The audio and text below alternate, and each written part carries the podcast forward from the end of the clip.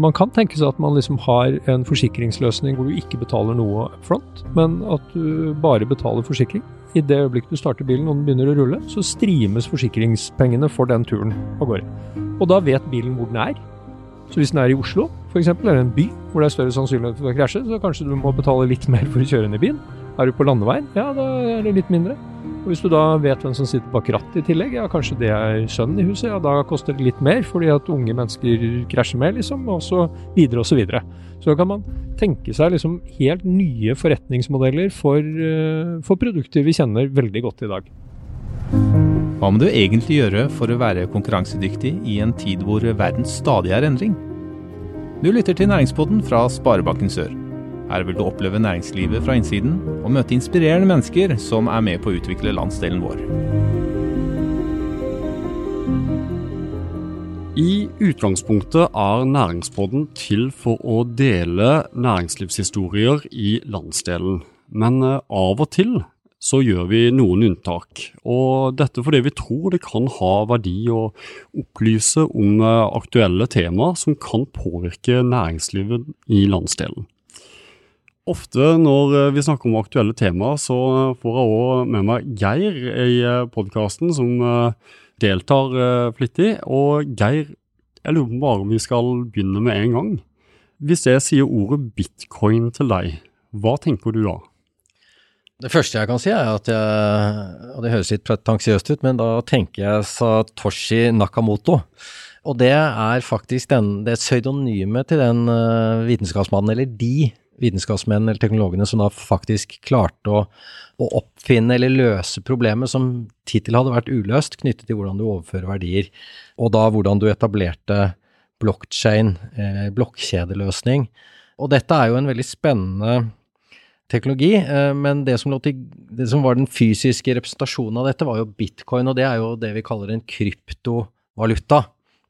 Og i dag så er det jo faktisk tusenvis av slike kryptovalutaer, men bitcoin er jo fortsatt den ledende kryptovalutaen, og den, eh, den står jo for veldig stor del av den totale verdien av verdens samlede kryptovalutaer, eh, og er jo blitt et måte, kjennemerke for det som eh, betegner nettopp verdens kryptovalutafremvekst. Og, og så er jo bitcoin en, et, et paradoks det representerer masse spennende muligheter uh, i, eh, når du ser det på verdensbasis. Det representerer store muligheter for det vi kaller underbanked eller unbanked på godt norsk. Altså de som ikke har gode finansielle løsninger, bankløsninger tilgjengelig. Og det er jo store deler av verden som er i den situasjonen.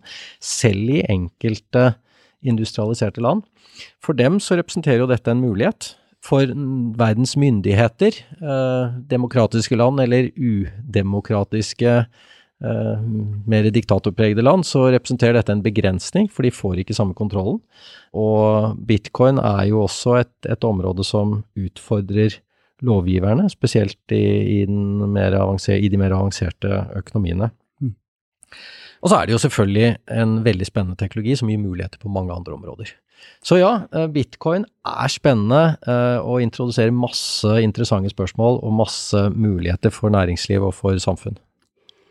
Og eh, hvordan teknologien bak bitcoin og digitale penger, som vi skal snakke om i dag, og hvordan det fungerer, er interessant. Men kanskje vel så interessant er det hva det har å bety for du som lytter til denne podkasten, bedriften du jobber i eller driver, og for samfunnet rundt oss.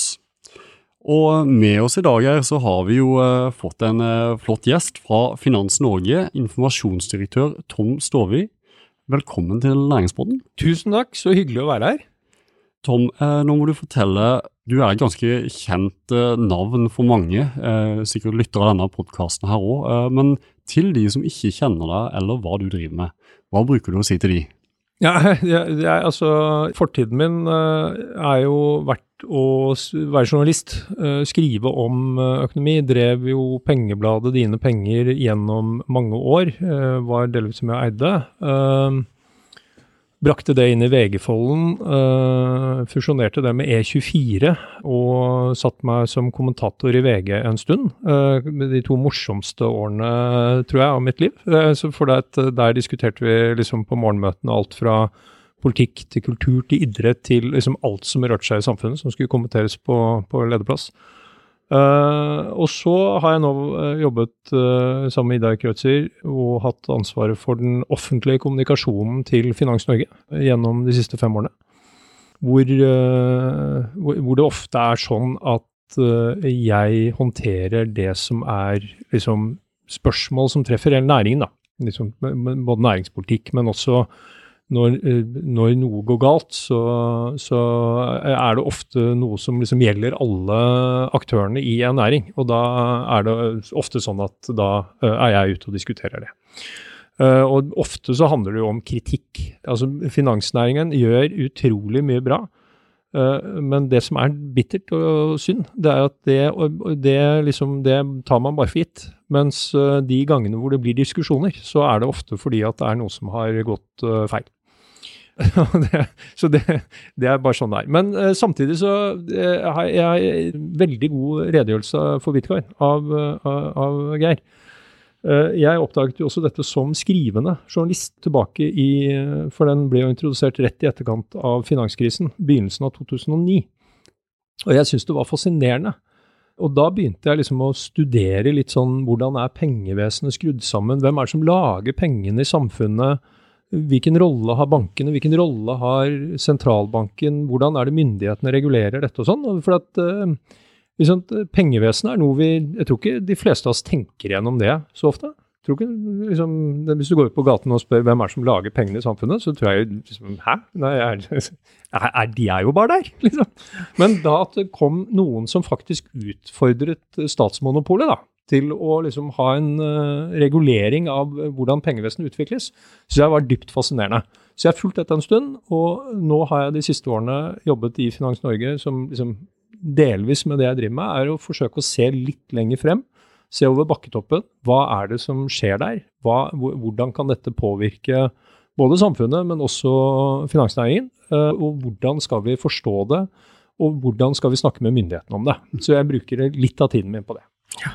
Det er jo, Jeg kan jo supplere litt, siden jeg sitter jo i styret i Finans Norge og opplever jo uh, en, en, veldig profesjonell organisasjon. Og, og, Tom har jo en veldig sentral rolle inn i, inn i, det å se på de nye spennende områdene, de nye teknologiene. Uh, han har jo fått med seg ekspertgrupper på dette som har vært veldig viktige for banknæringen og finansnæringen å lære av, og sitter jo midt oppi den prosessen. så det er jo ikke for ingenting at Tom er her for å snakke om det som er tema. Det er jo fordi han representerer jo en veldig kompetanse, og ikke minst tilfang av veldig kompetente folk til å, å, å snakke om dette.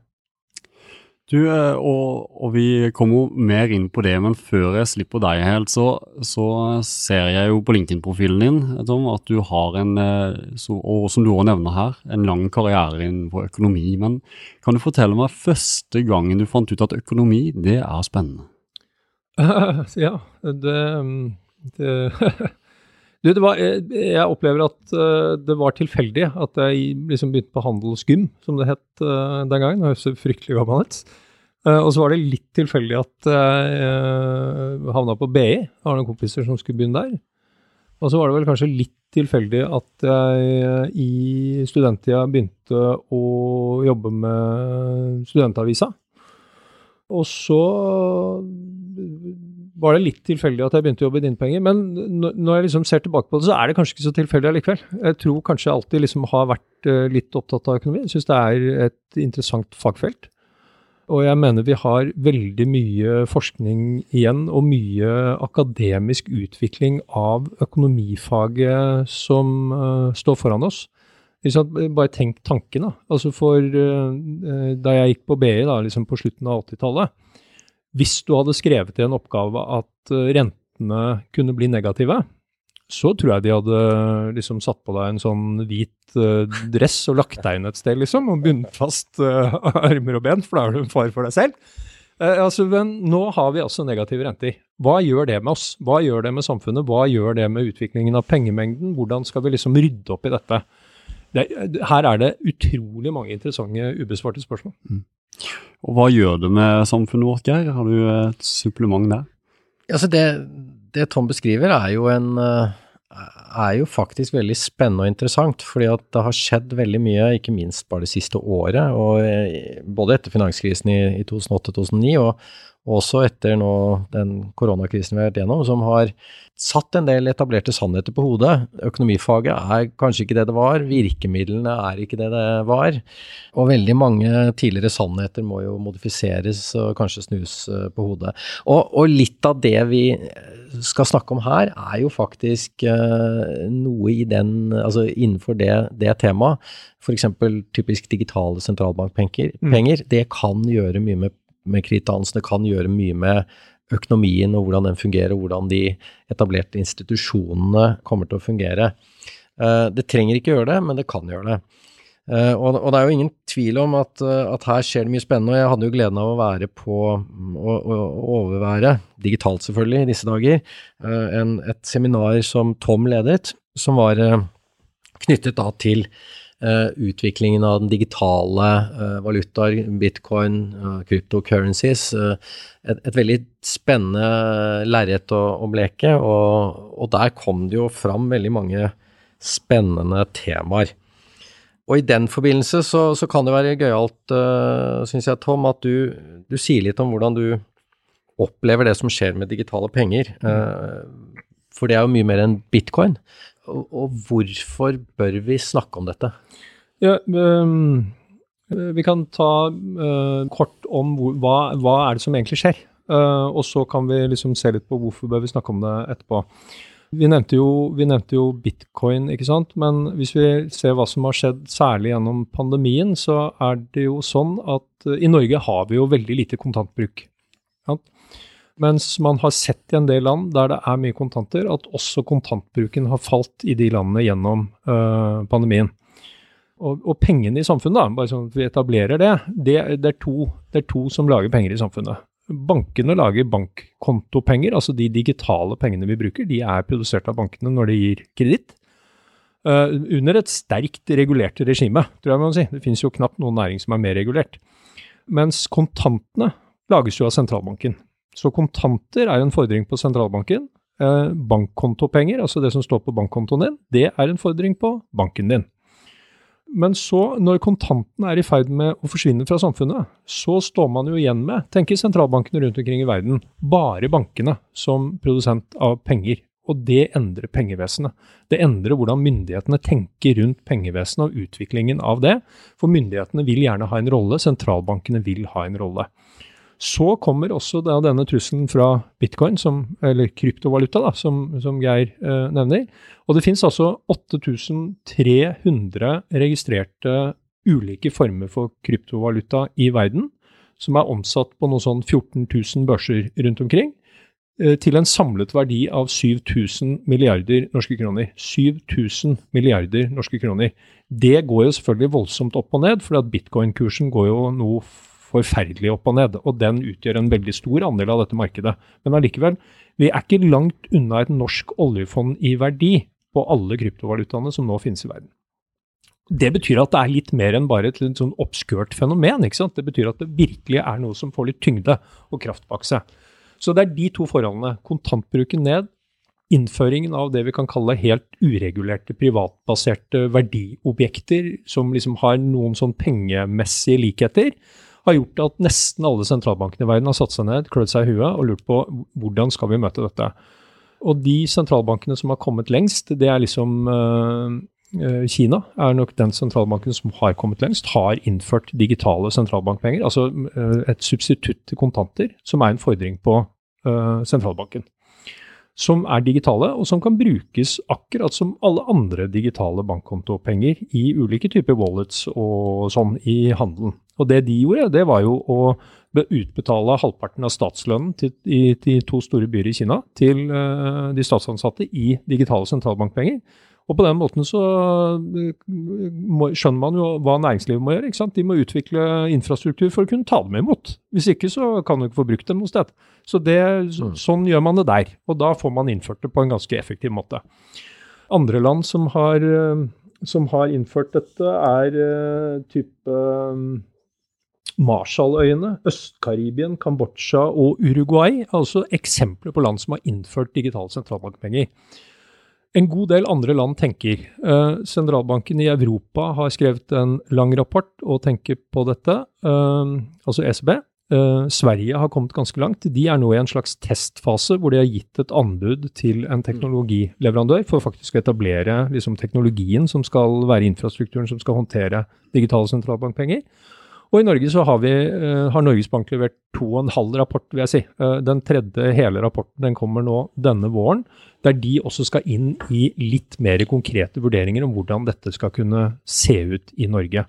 Og ideen er jo da altså at man liksom For sentralbankene så er det flere argumenter. ikke sant? Man ønsker å ha en finger med i spillet på utviklingen av pengemengde og pengevesen. Så ønsker man å lage en innovasjonsplattform, som man sier. Så ønsker man å lage et alternativ til den betalingsinfrastrukturen som finnes der, liksom av litt sånn beredskapshensyn, men også av konkurransemessige hensyn. Og så, ja, så, så denne listen over argumenter for er ganske lang. Uh, i, i sentralbankenes øyne, da. Men uh, det finnes jo en god del motargumenter òg.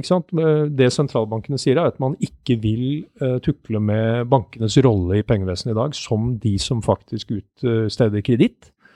Og spørsmålet er jo også hvordan skal man oppbevare type digitale sentralbankpenger. ikke sant? Der skal det oppbevares på en eller annen, i en wallet på telefonen din f.eks. Skal det oppbevares i et fysisk kort. Mm. Men ideen er jo stort sett sånn som de har gjort det i de landene som har innført det. Det er bank, akkurat som med kontanter.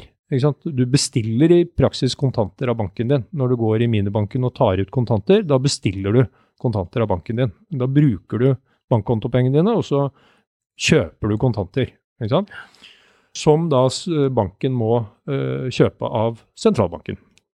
Og Sånn tenker man også at systemet med digitale sentralbankpenger skal fungere. Du veksler dine bankkontopenger med digitale sentralbankpenger fordi du av en eller annen grunn da, heller vil ha en fordring på staten, sentralbanken, enn på banken.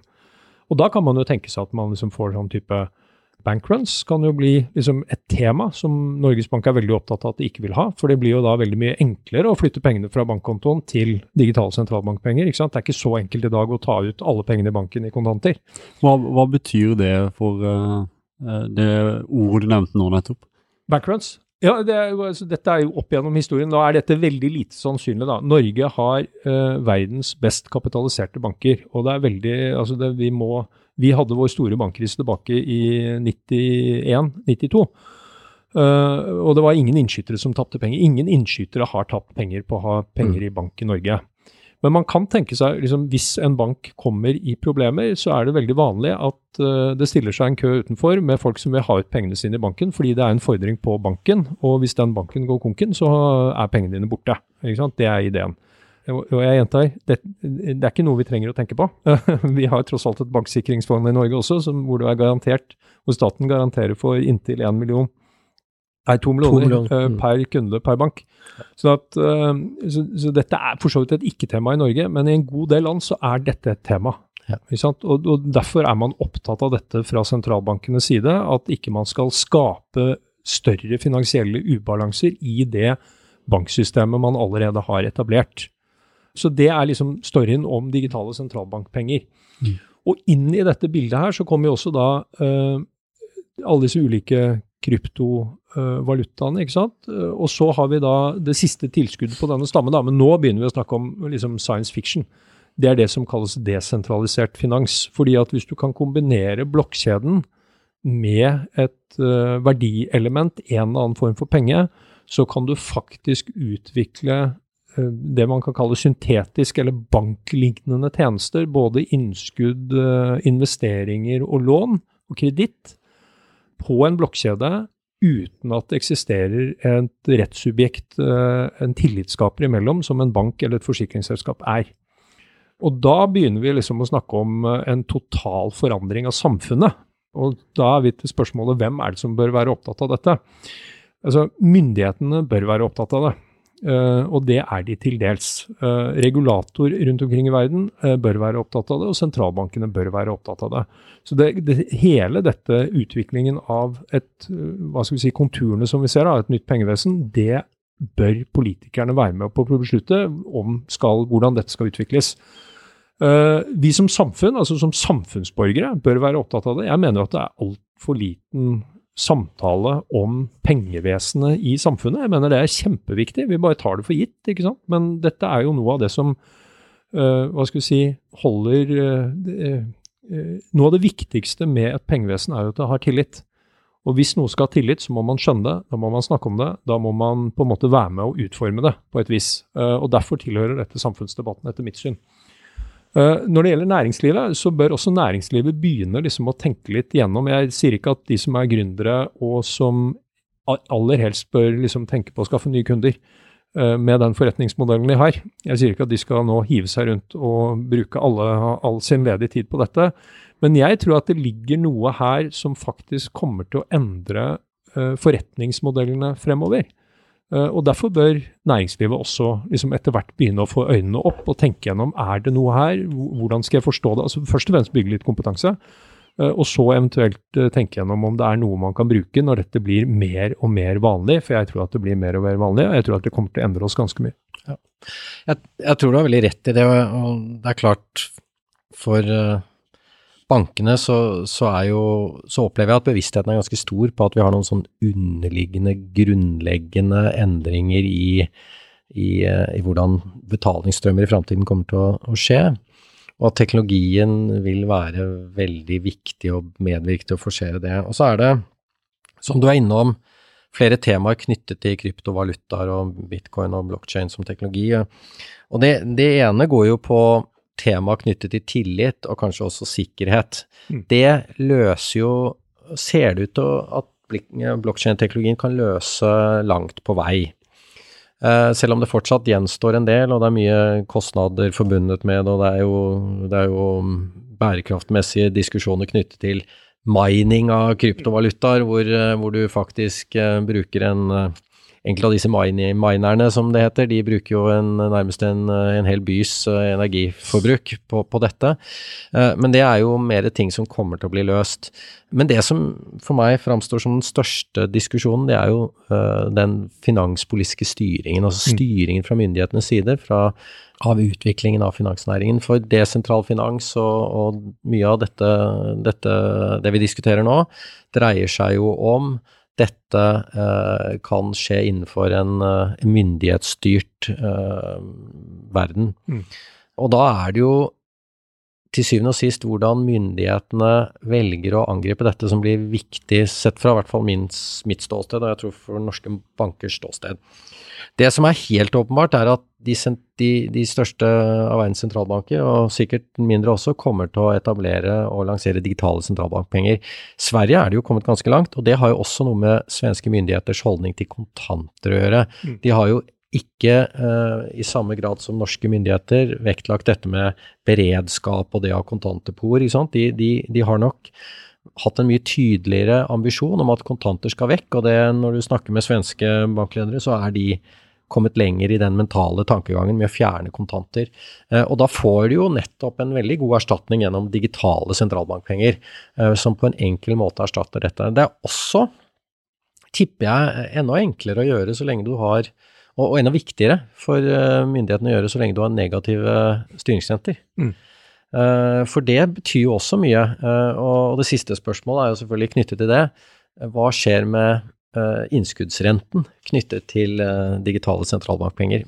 Du har sikkert mange refleksjoner rundt det, Tom, men dette er jo viktige spørsmål som mange baler med. Ja, det er et veldig godt spørsmål, Geir. Og det jeg må bare si det, jeg er jo, eh, I Finans Norge er vi veldig heldige som har Geir som vår styreleder. Så jeg får jo lov til å holde på og bale rundt i dette her. Og det er jo superspennende. Men uh, det, ikke sant La oss begynne der. Hvordan, hvordan, har For det er en viktig del av dette. ikke sant? Hvordan bankene funder seg som dette. Hvor er det bankene skaffer penger for utlån? Fordi at man må jo ha de samme pengene innlånt som man låner ut. Og norske banker er vel, som hvis jeg ikke husker helt feil, så er vel omtrent halvparten i snitt av utlånene til norske banker er innskudd. Ja, sånn pluss minus. Mm. Ja. Resten hentes i det vi kaller det profesjonelle rentemarkedet. altså Det er stort sett uh, obligasjoner uh, som med sikkerhet i eiendomsmassen man har lånt pengene ut til. Mm. Og så er det egenkapital. Og så kan man jo da tenke seg, hvis veldig mange som har uh, og, det, og, dette er en diskusjon hos alle de sentralbankene som uh, ønsker seg å innføre disse pengene, digitale sentralbankpenger, det er skal det være rente på dem? Skal du få en motsvarende rente som du får i banken? Nå er jo rentene veldig lave, da, men det er jo fortsatt litt rente på noen innskudd i Norge. Men hva med om du da flytter pengene i, i digitale sentralbankpenger, skal det være rente på det? Eller skal det være negativ rente på det? Eh, det kan man jo tenke seg. Og her har Norges Bank ikke falt ned, men de har en faglig diskusjon om det foreløpig. Og jeg tror jo vi kommer jo til å bli tatt med på en eller annen måte på tur her. Altså det, jeg, jeg, ser i hvert fall ikke for meg at uh, Norges Bank er first mover og kommer liksom til å være en av de første til å introdusere dette i, i, i vår geografiske del av verden. Jeg tror jo Sverige, uh, som du sier Geir, ligger altså så langt foran at de vil nok være de første til å liksom ha testet noe og sånn. Uh, fordi at teknologien som skal ligge i bunnen, som skal drive denne infrastrukturen, må jo på plass og må testes og må utvikles og må lages som innovasjonsplattformer. Fordi at mm. man diskuterer jo her at eh, bedriftene kan få lov til å innovere på toppen av den innovasjonsplattformen som de ulike sentralbankene lager. Og så er nok også den europeiske sentralbanken eh, kommet litt lenger i tankerekken enn det de kanskje har levert ut i form av rapporter, eh, mm. må man jo anta. Sånn at eh, eh vi, eh, altså, Jeg tør ikke å tippe, jeg, men eh, det er jo noe her med at det nok også er interessant for Europa å ikke bli klemt mellom øst og vest. Man ser asiatene er utrolig fremoverlente, og særlig med Kina i spissen, introduserer Det er 1,4 milliarder kinesere. Mange av dem reiser. Deres mål har jo vært at de skal kunne reise ut i verden og bruke sine digitale sentralbankpenger utstedt av den eh, kinesiske sentralbanken. Det foregår en kamp om hvilken valuta som skal være verdens oppgjørsvaluta, som i dag er dollar. Eh, så hva, hva, tenker da amerikanerne om dette? Fed, altså den amerikanske sentralbanken, har foreløpig sagt at nei, vi ligger litt på været og tenker oss om og vi har ingen hast og sånn. Eh, jeg tror ikke det helt er sant, fordi at de ser den, hva som skjer i Kina. Og jeg, og jeg, tipper at europeerne har litt den samme analysen av det geopolitiske spillet om at man ikke kan komme helt tilbake på å utvikle dette. Så kan du kombinere dette med store internasjonale tech-giganter altså plattformøkonomien. ikke sant? Facebook, Amazon, Google, Microsoft osv. Alle sammen stort sett amerikanske giganter. I det øyeblikket, og, og vi skal kanskje snakke om det Facebook-initiativ, kryptovalutaen Diem, som den heter nå, litt etterpå. Men hvis man kombinerer de plattformselskapene som aggregerer ufattelig mye informasjon, og kobler inn en eller annen penge hvor de plattformene i tillegg får informasjon om hvordan du bruker pengene dine, for det får de ikke i dag. Eh, det er det bare banken din som vet, og banken din selger ikke den informasjonen til noen. Men hvis du kombinerer det, så begynner vi liksom å snakke om at de, første, de, de som er first mover på det, da, de kan virkelig bygge store plattformer som nærmest er allvitende. Og det er også en del av dette som jeg tipper jo nå regulator åpner øynene mer og mer for. Og man har jo begynt å pirke borti både Facebook eh, i hjemmemarkedet, men, men, også Google. ikke sant? Eh, det, nå foregår det en diskusjon mellom Google og Australia. Eh, hvor eh, Google har truet Australia med å kutte søketjenesten fordi eh, australske myndigheter ønsker at Google skal betale for de nyhetene som er produsert av mediene i Australia.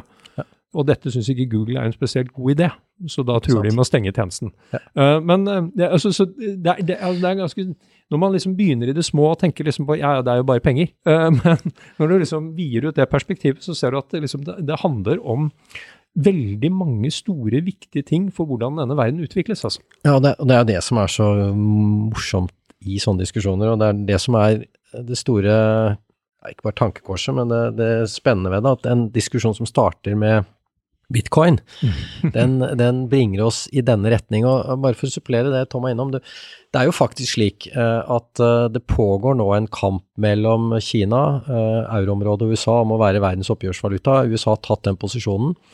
USA, altså Joe Biden sin finansiering av gjen, gjenopprettingen, eller skal vi si den, den totale løftet som USA nå må gjennom i ekspansiv eh, finanspolitikk, som, eh, som jo eh, Hvor han la på bordet 1900 millioner dollar, var det vel? En betydelig større sum enn det norske oljefond samlet, for å, å, få fart på en opp, opphenting av den amerikanske økonomien. Den er jo bare mulig over tid gjennom at eh, USA har den sterke posisjonen som verdens oppgjørsvaluta. Eh, og så er det jo tilbake til nettopp eh, digitale sentralbankpenger og hvordan de enkelte, de enkelte store sentralbankene skal ha kontroll på pengemengdeveksten og og alt dette henger sammen, som Gro Harlem Brundtland sa. Mm. Alt henger sammen med alt. Mm. Men, men her, eh, diskusjonen om, eh, om, digitale sentralbankpenger dreier seg ikke bare om teknologi eller det å dytte, eller bytte kontanter med, med digitale øh, kontanter, men det dreier seg jo om pengepolitikk og finanspolitikk i vid forstand. Ja, ja. Absolutt. Og, og, det er jo derfor jeg mener at uh, politiske myndigheter må frem i skoene og uh, tenke grundig gjennom dette. Og så er det, eh, Hvis vi skal snakke litt om kryptovaluta, da, så det er jo, De fleste sammenligner jo bitcoin nå med digitalt gull. Det er, det er blitt sånn even bigger fool. Altså bare spørsmålet å se hva liksom kommer denne til å ha den verdien den har i dag. Gjennom 2020 så raste den jo i været, og nå har den jo falt 25 eh, i løpet av noen uker. Og Det er klart det er jo vanskelig å tenke seg at man kan utvikle et pengesystem Uh, altså, du vil ikke ha lønnen din i noe som har vært 25% mindre neste måned. Det vil du ikke.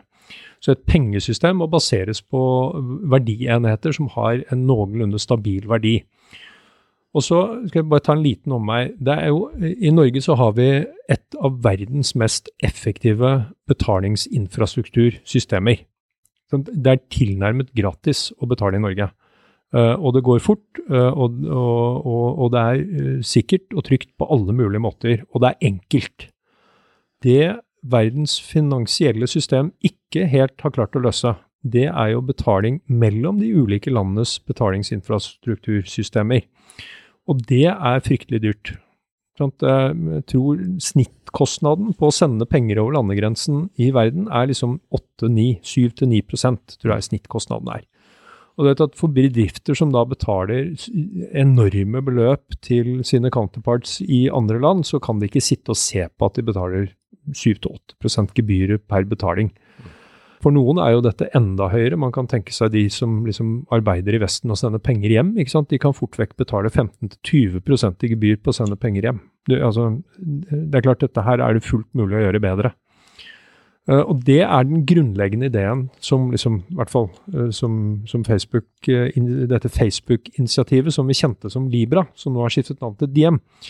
Det var jo nettopp dette som var den grunnleggende ideen deres. De ville lage en kryptovaluta, altså en verdienhet, knytte den til verdens valutaer, som euro, dollar, pund og yen, sånn at den hadde en stabil verdi mot disse. Og så skulle du få lov å sende den gratis. Og hvis vi tenker gjennom det, liksom, hva betyr det at jeg i min wallet i Norge kan sende verdier som har en stabil verdi, verdi mot den brasilianske valutaenheten til en fyr i Bras Brasil eh, gratis. Og bare eh, gå rundt hele banksystemet på den veien. Altså, det vil jo endre mye. Det vil endre mye for uh, brukeropplevelser. ikke sant? Det vil endre mye for uh, effektiviteten, liksom transaksjonen mellom folk og bedrifter og folk. Uh, men det vil også utfordre, utfordre regulator og, og liksom selve det finansielle systemet, fordi at da kan man få liksom store verdier som ligger i noe som er uregulert, og det ønsker jo ikke regulator rundt omkring. Så det utfordrer oss på mange måter. og Derfor har jo også Facebook gjennom flere Eller vi sier at det er Facebook, men det, det er egentlig ikke det. Det er noe som heter DM Association, som er eid av eh, nå tror jeg borti 20 veldig store aktører. da. Mm. Og, og, måten dette skal fungere på, er at jeg tar mine norske kroner, kjøper Diem fordi jeg får, får, mine norske kroner, så flytter da Diem disse pengene inn i statssertifikater enten pund, euro eh, eller dollar, som da backer verdien på den kryptovalutaen som ligger i min wallet. Og så skal rentene på de innskuddene i statssertifikater de skal da kunne finansiere hele systemet, og derfor skal det da kunne bli gratis å sende. Sånn? Altså Det er jo en så fascinerende god idé. Jeg, så jeg har sagt mange ganger nå at eh, hvis ikke de får lov å lykkes, så kommer noen andre til å gjøre det. Eh, som kommer til å få lov å lykkes. Fordi at ideen er rett og slett for god. Men uh, la oss spole tida litt tilbake, for, uh, for initiativet sa Diem hette noe annet ved første forsøk, og det var Libra, Mm. som var et initiativ uh, fra Facebook, Ja. blant annet. Den gang så ble det jo ikke godkjent. Hva er det som har endra seg nå? Nei, det er jo eh, akkurat det at det ikke er blitt godkjent, det har ikke endret seg. De har fortsatt ikke fått en eh, rett eller lov til å gå inn i noen markeder med dette. Jeg har jo det siste halve året eh, møtt det som er policy-direktoren til nå DM Association. Han heter Julian Legoc. Han er, han er jo en veldig hyggelig sånn selgertype. og og det han fortalte meg nå sist gang vi snakket sammen, det var på dette seminaret vi hadde. Eh, Da er de klare på at de har organisasjonen klar. Og det er ikke noe sånne Altså, de har ansatt skikkelige folk, altså. De har ansatt eh, det som var hvitvaskingsgeneralen i Obama-administrasjonen til å håndtere den type spørsmål, ikke sant. De har ansatt eh, toppjuristen til en av de største bankene i USA til å bli administrerende direktør. Så den organisasjonen, den har de bygget. Så sier han vi har teknologien klar. Dette kan vi iverksette så fort vi får en tillatelse et sted. Og så jobber de da med Finma, som er, eh, dette vet Geir mye mer om enn meg, men er vel en av Europas største regulatorer. Uh, og det er der de ønsker å få go, gjennom Finma. For hvis du får, hvis du liksom får go ett sted, så er katta ute av sekken, på en måte. Da får du ikke den majonesen tilbake i tuben. Da, da er de der. og, og, og, og det er det de jobber med. Men de har sagt at de, de kommer ikke til å lansere før de får tillatelse.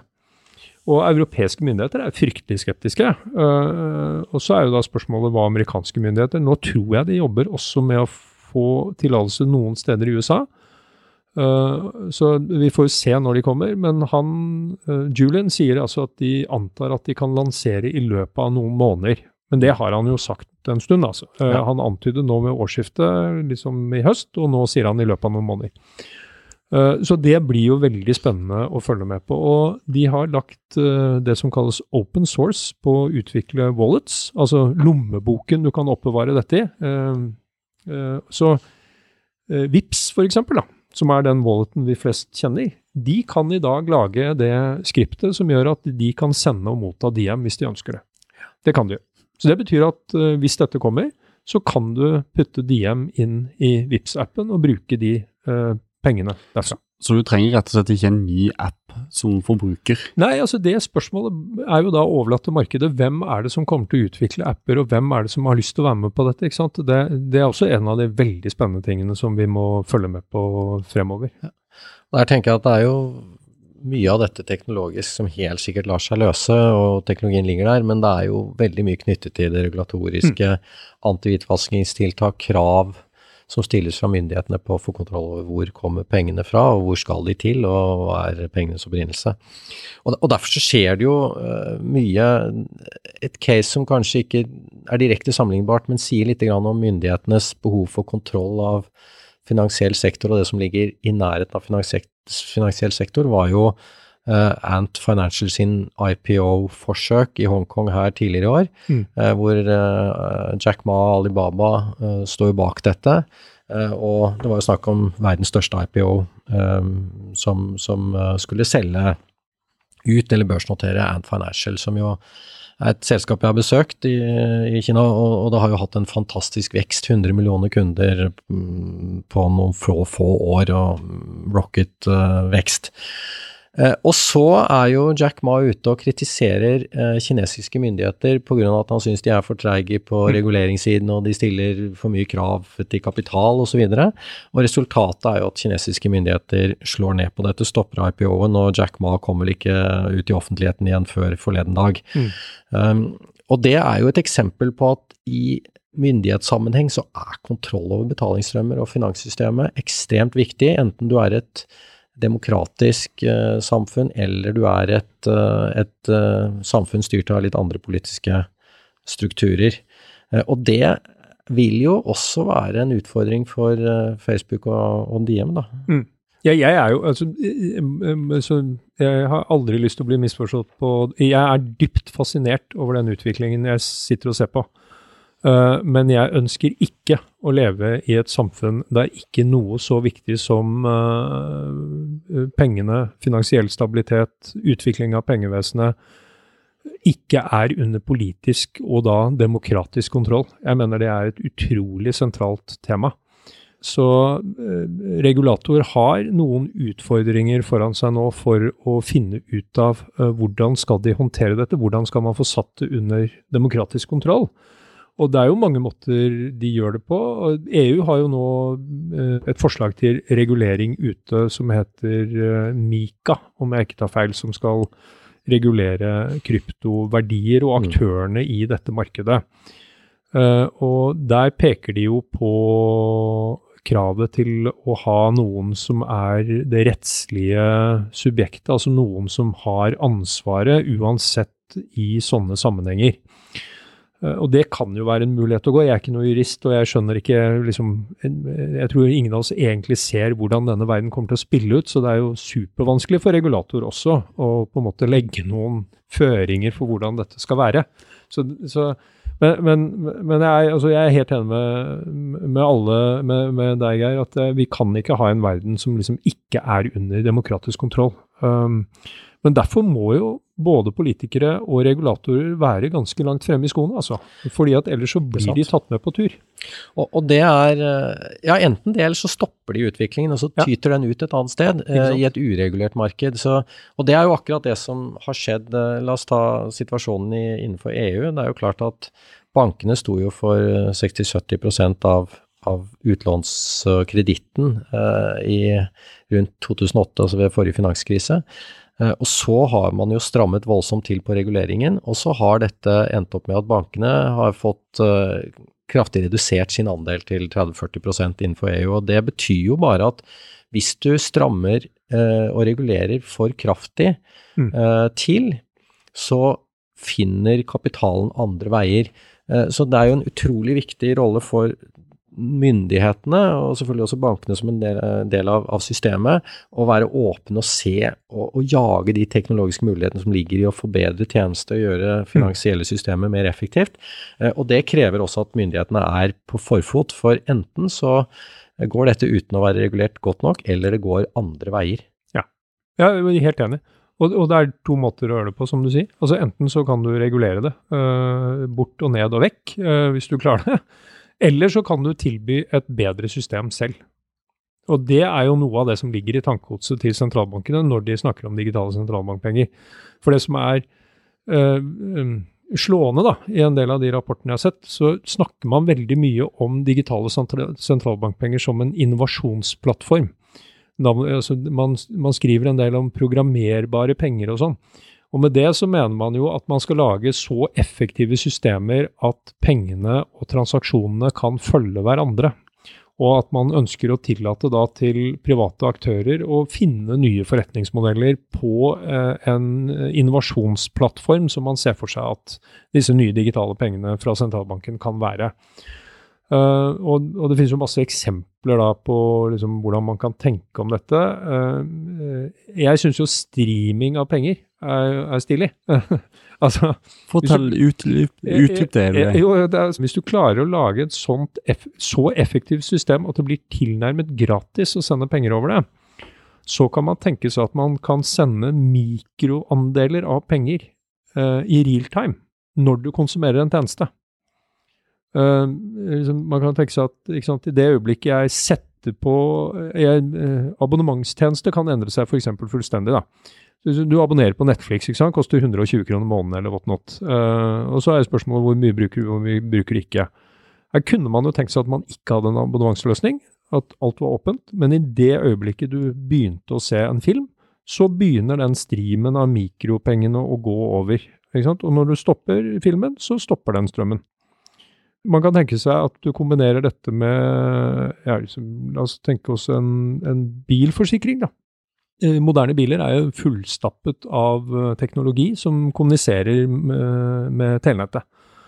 og man kan tenke seg at man liksom har en forsikringsløsning som, eh, hvor du ikke betaler noe up front, men at du bare betaler forsikring. I det øyeblikk du starter bilen og den begynner å rulle, så streames forsikringspengene for den turen av gårde.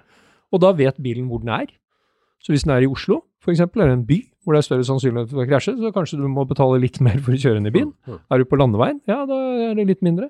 Og hvis du da vet hvem som sitter bak rattet i tillegg, ja, kanskje det er sønnen i huset, ja, da koster det litt mer fordi at unge mennesker krasjer med, liksom, og så videre og så videre. Så kan man tenke seg liksom helt nye forretningsmodeller for, uh, for produkter vi kjenner veldig godt i dag. Uh, og, og, det er jo en av grunnene til at jeg tror kanskje også næringslivet etter hvert, selv om man ikke driver bank, uh, bør begynne å bygge litt kompetanse. Jeg sier ikke at folk liksom skal hive seg rundt og ikke gjøre noe annet, men, men, jeg, men, men jeg tror kanskje at forretningsmodellene fremover kommer til å endres av nye former for penger, og nye former for å overføre penger.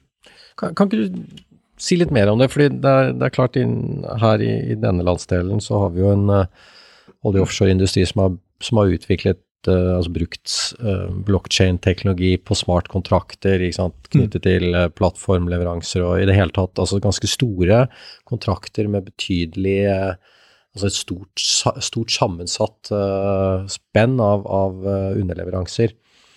og hvor, hvor, man ser da i en del industrier eller bransjer med nettopp de kjennetegnene har god nytte av å utvikle og bruke da blokkjedeteknologien. Eh, Geir, jeg må jo innrømme at jeg er jo ikke noe teknolog. Eh, jeg har jo ikke gått ned og studert teknologien. Jeg er, liksom, jeg er opptatt av hva du kan bruke den til. Men det er klart, for um, eh, altså, blokkjedeteknologi er jo egentlig bare en distribuert database. Alt som blir poda inn, blir mm. poda inn, ligger der til evig tid, og man kan følge liksom alle transaksjonene eller all informasjonsinnhentingen. Så i mange sammenhenger så er det mange som har avskrevet dette, fordi at det er like effektivt å ha liksom, en sentral database, én datamaskin stående ett sted hvor all informasjonen er, istedenfor å spre den ut på liksom, rundt omkring. Men så er det jo mange som har tatt i bruk eh, blokkjedeteknologi til å registrere og lage denne type distribuerte løsninger. Uh, jeg kan nevne et annet eksempel som kanskje har kommet uh, tror jeg, lengst på dette. Det er spillindustrien de som lager sånn dataspill. De har jo hatt store prosjekter, i hvert fall vet jeg at uh, PlayStation har, har, hatt store prosjekter på dette. fordi uh, Og her er også i en verden jeg ikke kjenner veldig godt, altså det må jeg innrømme. Men, uh, men jeg skjønner at en god del av spillerne og en del av spillene, så kan de enkelte spillerne produsere innhold selv. Og de kan kjøpe og selge det innholdet mellom hverandre. Og dette blir utrolig mange transaksjoner som er helt uhåndterbart hvis du liksom skal operere dette for en hel verden med én database og ett sentralt databasepunkt. Så de har kommet veldig langt i å utnytte da blokkjedeteknologi og distribuerte databaser for nettopp å holde orden på hvem er det som produserte dette, hvem har solgt til hvem og sånn. Og da kan man få, ved å legge inn en kryptoverdi i den blokkjeden, så kan man faktisk få til et system der dette betaler, og de som skal ha penger, får det automatisk. Uh, altså hvordan det sånn teknologisk faktisk skjer, det er jeg ikke opptatt av. Og det syns jeg heller ikke folk skal være opptatt av. Det, det interessante er bare at det er, faktisk er mulig å få det til. Det er noen ja. smarte huer som faktisk klarer å gjøre dette. Uh, og, begynner, og, og, de driver jo byer, og det er auksjoner på liksom, Du har laget en ny avatar i dette spillet ditt, og, er, og, den er så kul at noen har lyst til å kjøpe den for hundretusenvis av kroner. ikke sant? Og da uh, må man finne en eller annen måte å få omsatt og kjøpt og få flytta de pengene på, og registrert det sånn at liksom dette er uh, at den som har ansvaret, faktisk vet hvor mye som blir omsatt, og hvor det blir omsatt, og at det blir betalt skatter og avgifter og alt sånne ting av dette. Det er vel også derfor eh, forskjellige børser var jo tidlig ute. Jeg husker for det må ha vært syv år siden i hvert fall, var, var i USA og, og, besøkte flere selskaper, inkludert et selskap som drev nettopp med dette, Chain heter det vel, og jobbet mm. med, med, prosjekter mot f.eks. Nasdaq, så vidt jeg husker, på å utvikle da blockchain-teknologi uh, for, for, for, å skape gode oppgjørstjenester på forskjellige børser. Og det er jo et svært marked. Mm. Og det har jo kommet ganske langt. Og der har de største børsene og de største finansinstitusjonene vært med Ja, de, de har vært med i lang tid. Ja. Og det er jo litt sånn um, Jeg tror i hvert fall har holdningen vært Det er noen som har ment at uh, distribuerte databaser, altså denne blokkjedeteknologien, er løsningen på, på, et problem ingen har, er det mange som har sagt. Men så ser man jo, som du sier, at uh, det er veldig mye forskning, det går veldig mye penger inn i dette her. Det er noen som nå begynner å utnytte dette. ikke sant? Så det er litt sånn med teknologi at uh, vi overdriver betydningen av det i det korte bildet, og så har vi en tendens til å undervurdere betydningen av ny teknologi i et litt lengre bilde. Fordi at det blir sånne hypegreier. Og vi sier ja, nå kommer dette og tar over hele verden, og alle må lære seg dette og gå på kurs og seminarer og masse sånne ting, og så finner man liksom ikke anvendelsesområdene sånn med en gang, og så bare faller interessen, og så er nei, det var ikke noe allikevel, ikke sant. Men så ligger det liksom en sånn konstant innovasjonsprosess i bånn. Det er noen som fortsetter å utvikle, jobbe med det.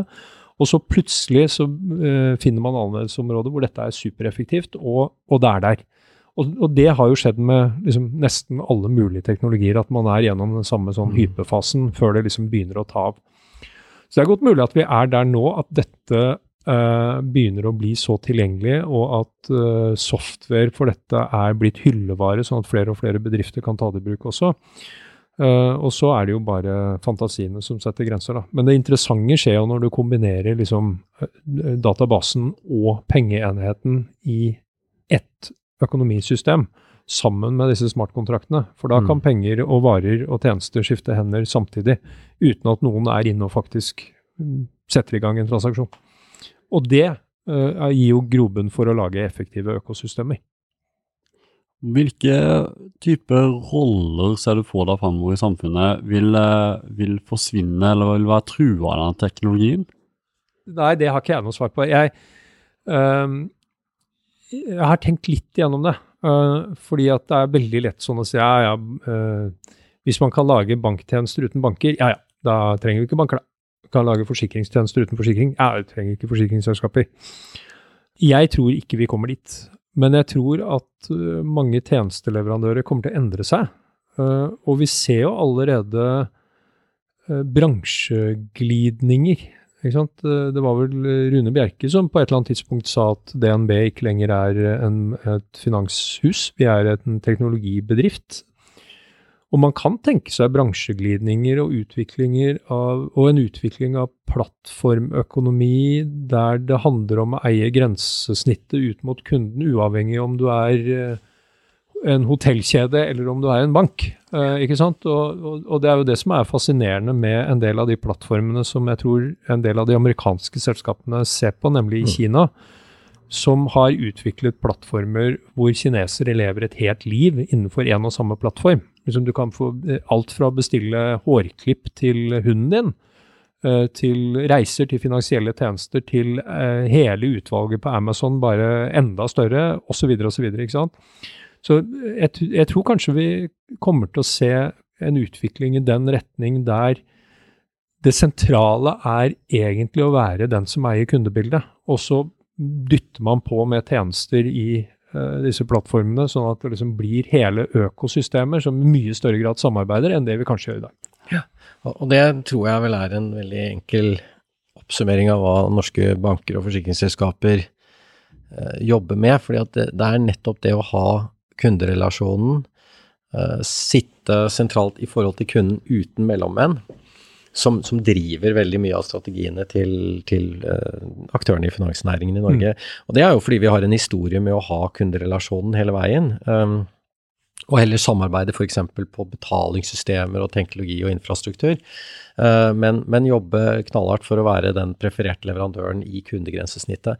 I en del andre mm, land så er, ikke, så er ut, utbredelsen av mellommenn i finansnæringen mye større. Mm. Derfor så har du en litt annet utgangspunkt. Så, så, det har jo vært slik de siste årene at, eh, at man har operert med liksom, noen store nye trusler. Der, eh, først var det fintech. Mm. Liksom det skulle ifølge veldig mange snu opp ned på bankenes uh, verden. Uh, og det har de jo ikke gjort, fordi at de, bankene har gått inn og tatt den rollen, kjøpt opp mye fintech-selskaper, inkorporert mange av løsningene i sine egne løsninger ut mot kunden. Uh, og det er jo ikke rart, fordi at banknæringen og finansnæringen sitter jo på veldig mye investeringskapasitet. Så det, mm.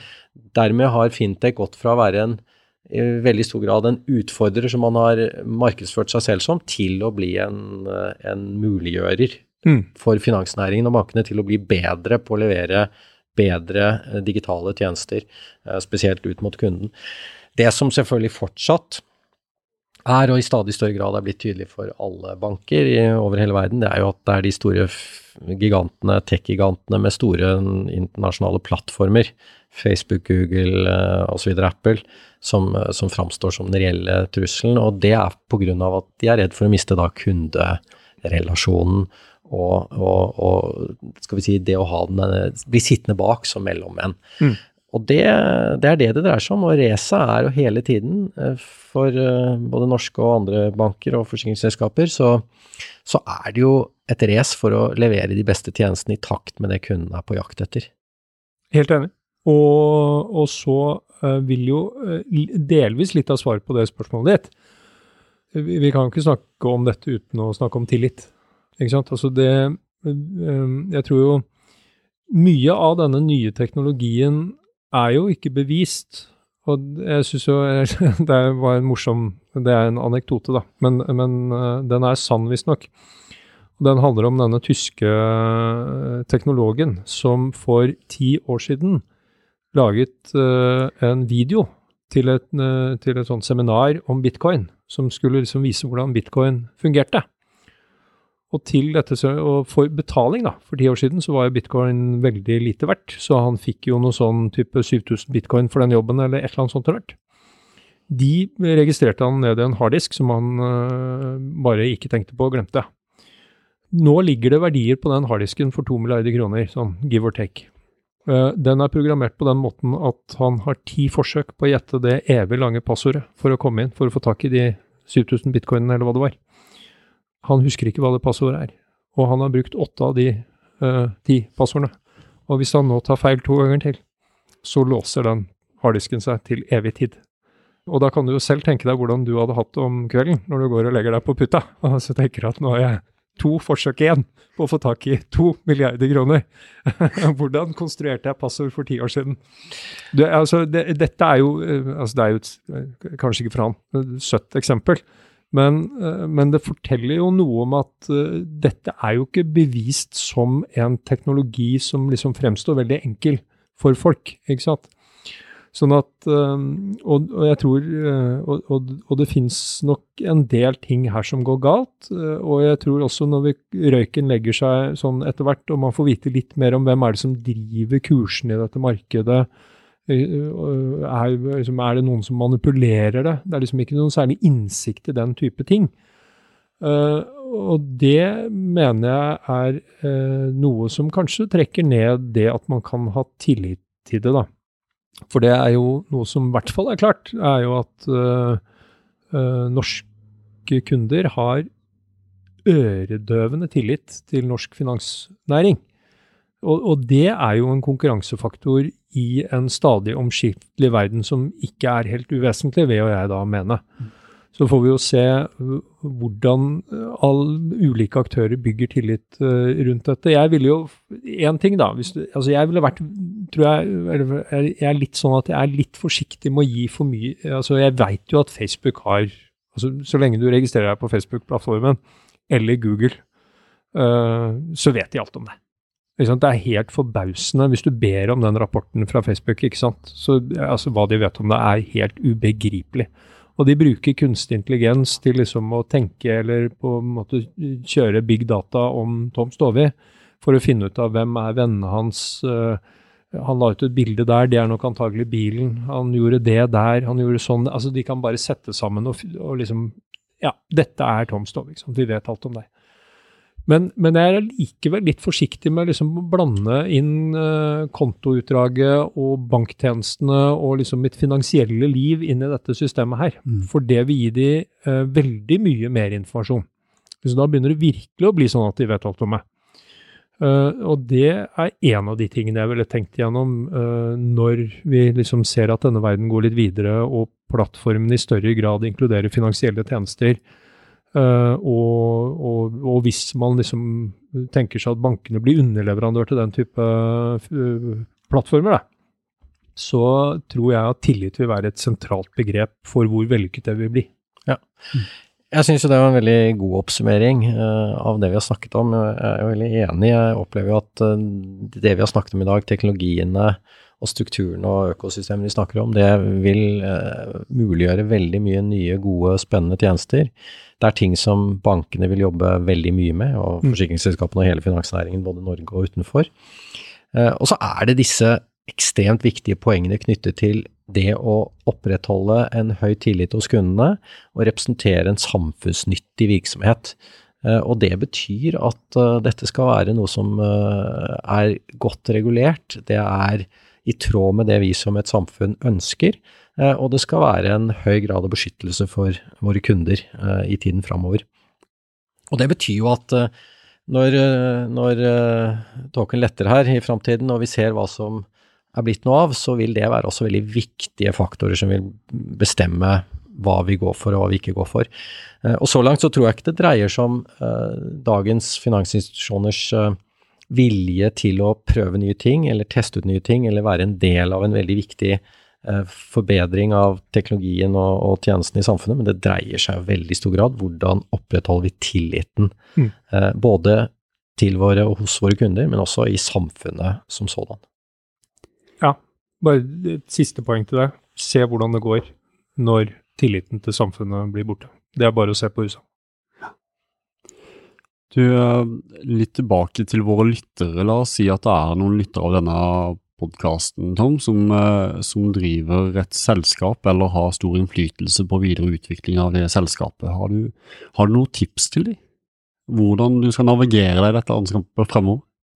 Eh, jeg tror hvis man vil ha litt innsikt, så vil jeg, jeg tror jeg ville gått inn på Norges Bank sin hjemmeside og lastet ned de to eh, rapportene om digitale sentralbankpenger som ligger der.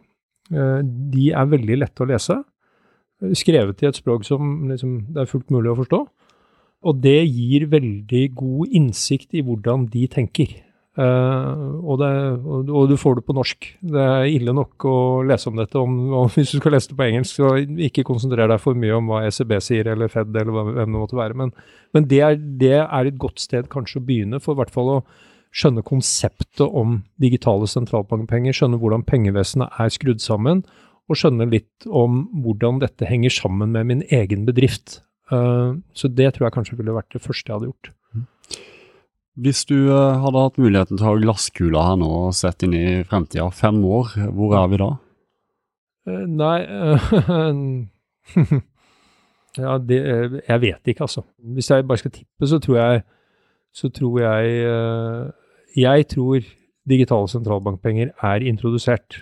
Jeg tror også at vi har fått ulike varianter av sånn type stablecoins som Diem, som, uh, og vi har fått muligheten til å sende penger over landegrensene på en enklere måte. Uh, og det kan godt være at det er liksom at det er VIPS som er Europas app for det. Altså det er faktisk innenfor mulighetsrommet, liksom. Men det vet jeg ikke om jeg tror verken det ene eller andre på. Men det, det er én av konkurrentene for faktisk å utvikle en paneuropeisk tjeneste for, som en wallet. Så det ligger som en mulighet.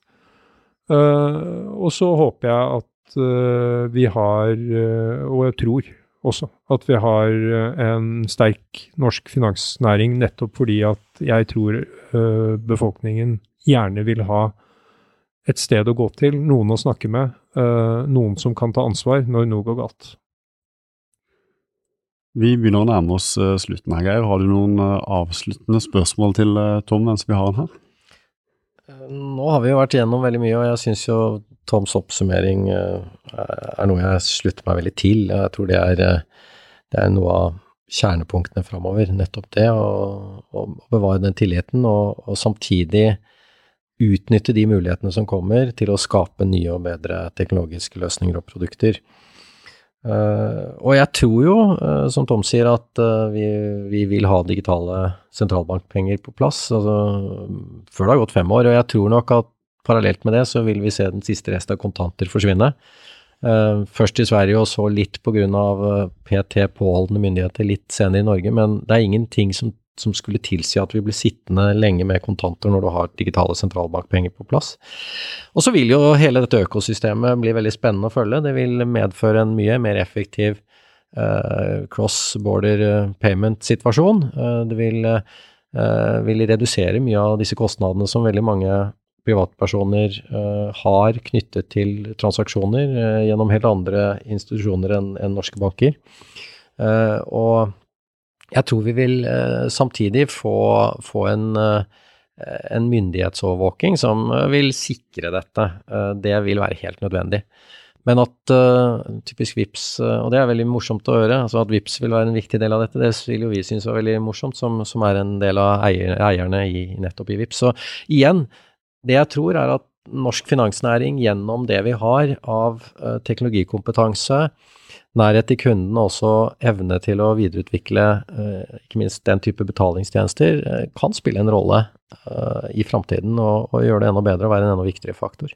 Og, og, og vi er jo et gjennom... Vi er verdens mest digitaliserte land, antagelig. Ikke sant? Og det er klart at uh, Norge kan meget vel være et foregangsland på dette området med en høyt utdanna befolkning, eh, få mennesker som har stor grad av tillit til hverandre, eh, alle sammen er digitaliserte, og en høy grad av kompetanse. Så det er store muligheter for norsk næringsliv i dette, kombinert med grønn omstilling, som vi også er langt fremme på, og at vi kapital, altså vi har mye kapital i Norge. Uh, og er en stor investor der ute i verden. Altså Vi kan komme til å spille en viktig rolle for dette fremover. Helt avslutningsvis så, så har vi et uh, vi, Dette er jo næringspodden vi kaller den, og som da har vi et fast uh, spørsmål vi stiller alle. Mm. og det er hva gir deg næring og inspirasjon i hverdagen? Å oh, ja. ja. Altså det å Jeg har en liten podkast selv Eh, jeg merker at jeg får energi av å sitte og snakke med interessante folk uh, som har spennende ting å fortelle. Så, så, dette som jeg er med på nå, det gir meg energi. Det syns jeg er uh, supergøy. Uh, og så får jeg energi av å, å, å, prøve å trene litt. Jeg trener ikke for å bli bedre, jeg trener bare for å ikke bli dårligere. så det er mitt mål med dette. så nei, altså det å ha en variert arbeidsdag med stadig nye utfordringer og ulike problemstillinger på bordet, det syns jeg er veldig, veldig spennende, og det er jeg utrolig glad for at jeg får lov til å holde på med. Så bra. Du Geir, eh, vi kan vel være enige om at dette har vært en utrolig interessant prat med Tommy? Definitivt. Vi vil bare takke deg for en uh, hyggelig prat, og, um, og lykke til videre med arbeidet. Tusen takk. Takk for at jeg fikk komme. Dette var veldig gøy. Du lyttet nettopp til næringspodden av Sparebanken Sør. For flere episoder, gå inn på sor.no slash podden. Her kan du gi ris eller ros, samt tips til andre næringsdrivende vi bør intervjue.